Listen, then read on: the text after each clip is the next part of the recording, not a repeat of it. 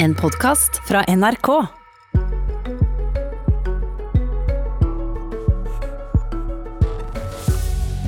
Det kan bli ei historisk liberalisering av bioteknologilova i dag, for det kan bli lovlig med både assistert befruktning for enslige og eggdonasjon, men flertallet er i spill.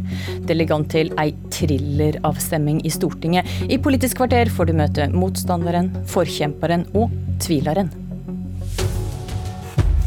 I dag skal altså Stortinget stemme over den største liberaliseringa i bioteknologilova noensinne. Ap, Frp og SV vil tillate eggdonasjon, assistert befruktning for enslige, tidlig ultralyd og blodprøva kalla NIPT, NIPT, som kan avdekke sykdom og kromosonfeil i foster.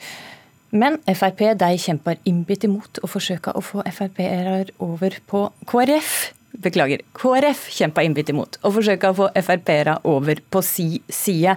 Kjell Ingolf Ropstad, leder i KrF. Minst fire Frp-ere må bytte side for å vippe flertallet. Du har sagt at de jobba dag og natt for å få det til. Har du nå fått samla nok Frp-utbrytere på de sider til å vippe flertallet? Det vet jeg ikke. Eh, vi har hatt eh, god dialog med flere. Flere som har tatt kontakt fordi de har vært usikre, fordi dette er et vanskelig spørsmål. Jeg vil si begge veier. Eh, så jeg tror denne avstillinga blir veldig jevn, og det kan fort bare stå om et par stemmer. Det blir spennende. Det forventa i KrF at representanter for, fra regjeringspartiene skal stemme mot disse endringene.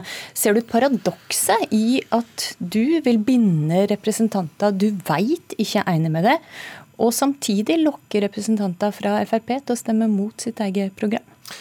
Nei, altså Dette var jo en viktig del av regjeringsplattformen og en viktig sak for KrF i forhandlingene om eh, på Granavolden. Eh, og Bare litt over et år siden så satt altså Fremskrittspartiet, Høyre, Venstre og KrF og var enige om dette. og Da forplikta stortingsgruppene seg til den regjeringsplattformen.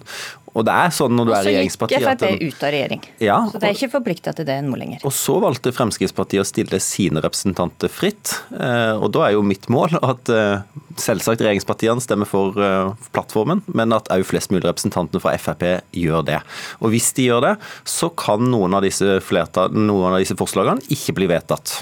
Men dette blir jo sett på et, som et spørsmål om, om samvittighet. og Hvorfor forsøker du da å få Frp-representanter til å stemme i tråd med sin samvittighet, men representanter fra Venstre og Høyre. De skal ikke stemmer i tråd med sin samvittighet. Det er jo sånn Når du er regjeringsparti, så lager en en regjeringsplattform som betyr at eh, det er saker i den regjeringsplattformen som jeg eh, virkelig skulle ønske at ikke sto der. Eh, men jeg har jo fått inn ting som jeg er veldig stolt over står i regjeringsplattformen. Men det betyr jo som representant for et regjeringsparti at selv om du er uenig, så må du da forplikte deg til regjeringsplattformen for å få gjennomslag for alt det andre. Men ser det... du ikke paradokset i at du, når du tvinger et flertall, altså når du tvinga alle representantene inn i salen, så er... tvinger du jo på en måte også representanter fra Høyre og Venstre som ikke egner med deg, til å sitte der i salen og stemme mot sin egen overtyding i en sak som er viktig for deg? Jo, altså Jeg har stor forståelse for at det kan være krevende. Eh, og Jeg selv har jo stemt på saker som jeg syns er krevende, fordi at jeg blir bundet av en regjeringsplattform. Sånn er eh, politikken. En får gjennomslag, og så må en òg gi noe tilbake igjen inn i det fellesskapet. Eh, og Det var altså Fremskrittspartiet som valgte å stille sine representanter fritt, noe jeg selvsagt er glad for. Og Jeg skjønner at det er jo et krevende spørsmål for deg, og det er mange der òg som er usikre på hva de vil stemme. Men grunnen til at jeg håper de stemmer i tråd med regjeringsplattformen og mot disse forslagene, er jo fordi jeg frykter konsekvensene av det. Og Derfor så har vi jo jobba for at de som har vært usikre, som har ønska mer informasjon, så har vi iallfall gitt KrF sitt syn på hvordan disse forslagene, hvis de blir vedtatt, hva konsekvenser det vil få. Åshild Brun Gundersen, helsepolitisk talsperson i Fremskrittspartiet. Har du flertall for forslaget om å liberalisere bioteknologilova, eller har Kjell Ingolf Ropstad klart å samle nok Frp-utbrytere? Altså den eh, Bioteknologiforliket vi har inngått med Arbeiderpartiet og Sosialistisk Venstreparti, den er jo i tråd med FrPs partiprogram. Og den, Da vi gikk ut av regjering, så er jo Fremskrittspartiets representanter på Stortinget sin viktigste jobb det er å sørge for mest mulig gjennomslag for Frp sin politikk. Og det har vi gjort. Det er i tråd med partiprogrammet vårt, det er i tråd med det politikken som er vedtatt på landsmøtet. Så vi gleder oss i dag til å legge frem de største moderniseringene av en lov som altså ikke har vært enda på 16 år, og som er overmoden for det. Men spørsmålet var får du flertall? I de eiga, altså, er det mange Frp-utbrytere? Altså, eh, På noe av det som KrF har vært mest opptatt av, det er å nekte kvinner tilgang til de tryggeste og beste metodene for fosterdiagnostikk, så står jo Fremskrittspartiet solid støtt på det. Altså, det er jo en av de tydeligste flertallene som kommer til å komme i dag. Det å kunne erstatte den risikofylte fostervannsprøven, som i seg selv øker sjansen for spontanabort, med en helt risikofri blodprøve. Eh, det er jo en av de store endringene som Fremskrittspartiet er glad for at Stortinget nå fatter et flertall for. Der vet vi at det er flertall, men hva med assistert befruktning? Hvor mange i de grupper vil bryte ut der? Altså, jeg har tillit til at folk er i stand til å ta gode, informerte valg på vegne av seg selv og sin samvittighet, og det gjelder også stortingsrepresentantene i salen i dag.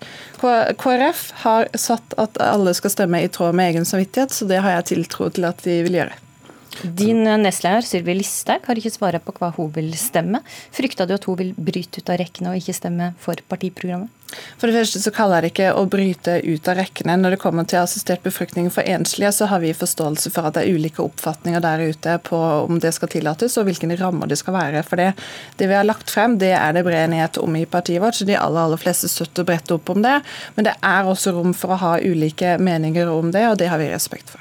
Men, Kjell Ingolf Ropstad, det er altså en rekke ting som skal voteres over i dag. Jeg nevnte fire av deg i inngangen. altså Eggdonasjon, assistert befruktning for enslige, tidlig ultralyd og denne NIPT-testen. Hvis alt dette blir vedtatt, hva er konsekvensen du frykter mest?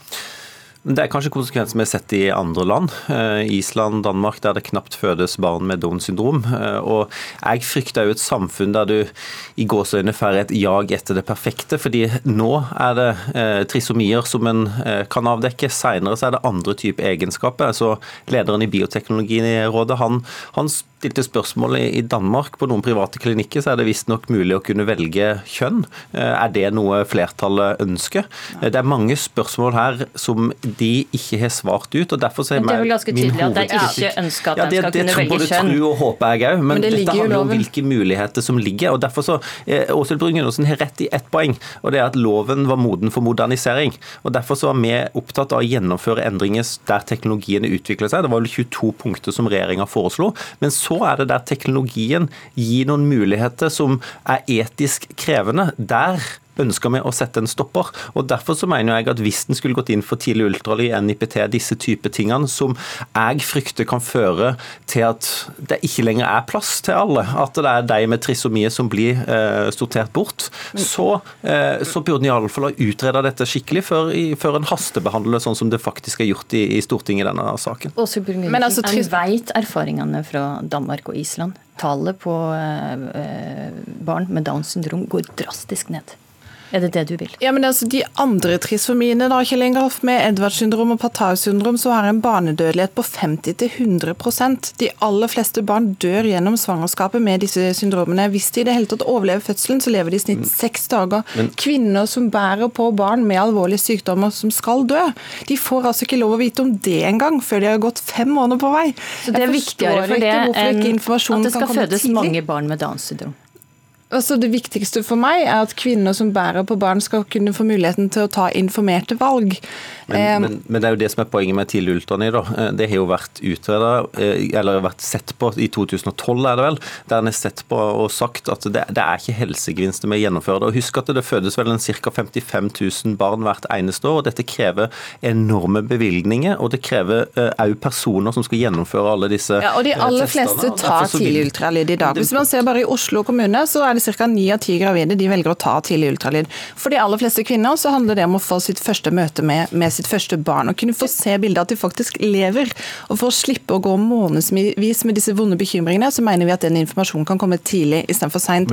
Og KrF er jo ikke imot informasjonen. De bare ønsker at det skal gjøres med den teknologien som er mest mulig risikofylt, og det skal gjøres seinest mulig i svangerskapet. Ok, Ropstad, dersom en eller flere representanter stemmer mot regjeringsplattformen, slik eh, Tonje Tonning Riise fra Høyre og Kjetil Kjenseth fra Venstre har varsla at de kanskje vil gjøre. Hva er konsekvensen av det?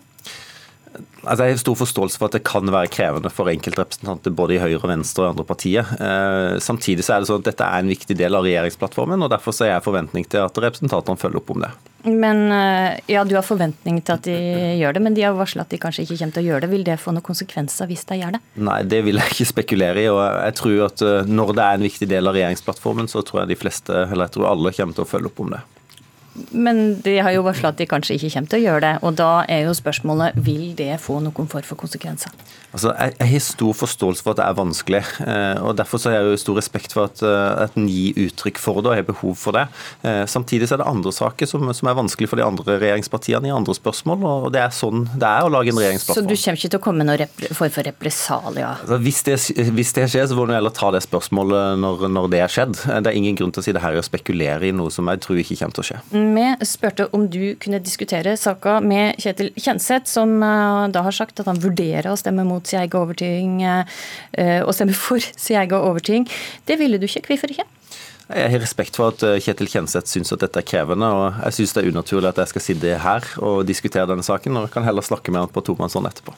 Ok, Takk, Kjell Ingolf Ropstad og Åshild Brun Gundersen.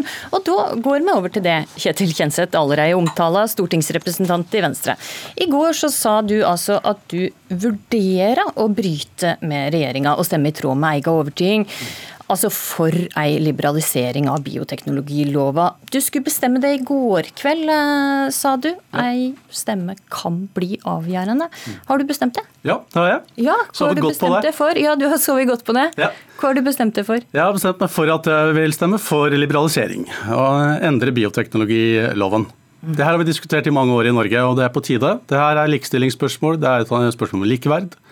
Eh, Venstre har programfesta at det her eh, vil vi. Eh, og når det blir et samvittighetsspørsmål, og at 169 representanter blir måtte, innkalt på teppet i Stortinget for å også legge den dimensjonen i potten, så kunne ikke jeg stemme mot min egen overbevisning i de spørsmålene her. Kan du tegne et bilde for oss av hva dilemma du sto i da du skulle ta denne avgjørelsen her i går? Ja, det er samvittighet på begge sider. Det er lojalitet til en regjeringsplattform og inngåtte avtaler på den ene sida. Og På den andre sida så er det jo eh, min egen samvittighet. Jeg har sittet fire år i helse- og omsorgskomiteen, jobba for endringer i bioteknologiloven. Altså for eh, eggdonasjon for kvinner og for eh, assistert befruktning for enslige. Og ta i bruk den medisinske teknologien som jo har vært her lenge. Så det er det valget jeg har stått i. Tusenvis av nordmenn reiser ut av Norge for å få den behandlingen hvert år. Koronakrisen har vist oss vi har et fantastisk helsevesen i Norge. Eh, jeg vil at den eh, behandlingen her skal norske innbyggere få tilbud om i Norge. Og du vil altså da å bryte med regjeringsplattformen, som du sjøl har stemt for. og Kosta det? Ja, klart det her er, eh, det er noe av valgets kvale ved å være politiker. Det er tøffe beslutninger. Det skal vi tåle. Og Av og til så må du gå til beinmargen til hjerterota for å ta noen valg. Og I dag så følte jeg at det var riktig for meg. Jeg har vært veldig lojal mot regjeringssamarbeidet og den plattformen. Eh, men i dag så ligger det en dimensjon ekstra i den potten. Da må jeg ta hensyn også til mine egne eh, vurderinger. Og du frykta ikke nå at du åpner Pandoras eske? At uh, dette kan føre til at uh, sigere som Venstre har fått gjennomslag for, ikke blir stemt for av KrF sine representanter? Jo, det ligger jo i potten det også, ta sånne vurderinger. Det får vi ta når den tid uh, kommer. Så konsekvensvurdering er det jeg har brukt minst tid på. Jeg har i dag og i den beslutningen jeg har tatt, kommet fram til da, jeg har lagt vekt på, eh, på, mine egne betraktninger, og også Venstres partiprogram, selvfølgelig. Hvem har du eh, diskutert saka med i ledelsen i Venstre? Eh, alle. Alle? Har du opplevd noe for, for eh, press eller påvirknad? Nei, Venstre har heldigvis ikke noe tradisjon for en partipisk, så den beslutningen har blitt lagt til meg. Den, og den står jeg for. Så det var ingen oppfordring engang til at du skulle være lojal mot regjeringsprosjektet? Det er klart. Det, vi har hatt refleksjoner og diskusjoner om det her, så det, det, er ingenting som er rett fram. Det, er, det som er også er bra med å være en del av et uh, parti, som har stor takhøyde. Uh, det har vi kjørt prosess på. Jeg, varslet, jeg har jo varsla i gruppemøter også at dette her er veldig vanskelig for meg, så det, er ikke noe overraskelse, det. Får du flere med det, eller eh, blir du den eneste i Venstre som uh, Jeg svarer for meg sjøl i dag, så får de andre gjøre det når de skal stemme. Ok. Det blir ei spennende avstemning i Stortinget i ettermiddag og kveld. Den kan ta litt tid, for det skal til sammen 57 forslag som skal voteres over. Takk for at du kom til Politisk kvarter, Kjetil Kjenseth, som i dag var ved Astrid Randen.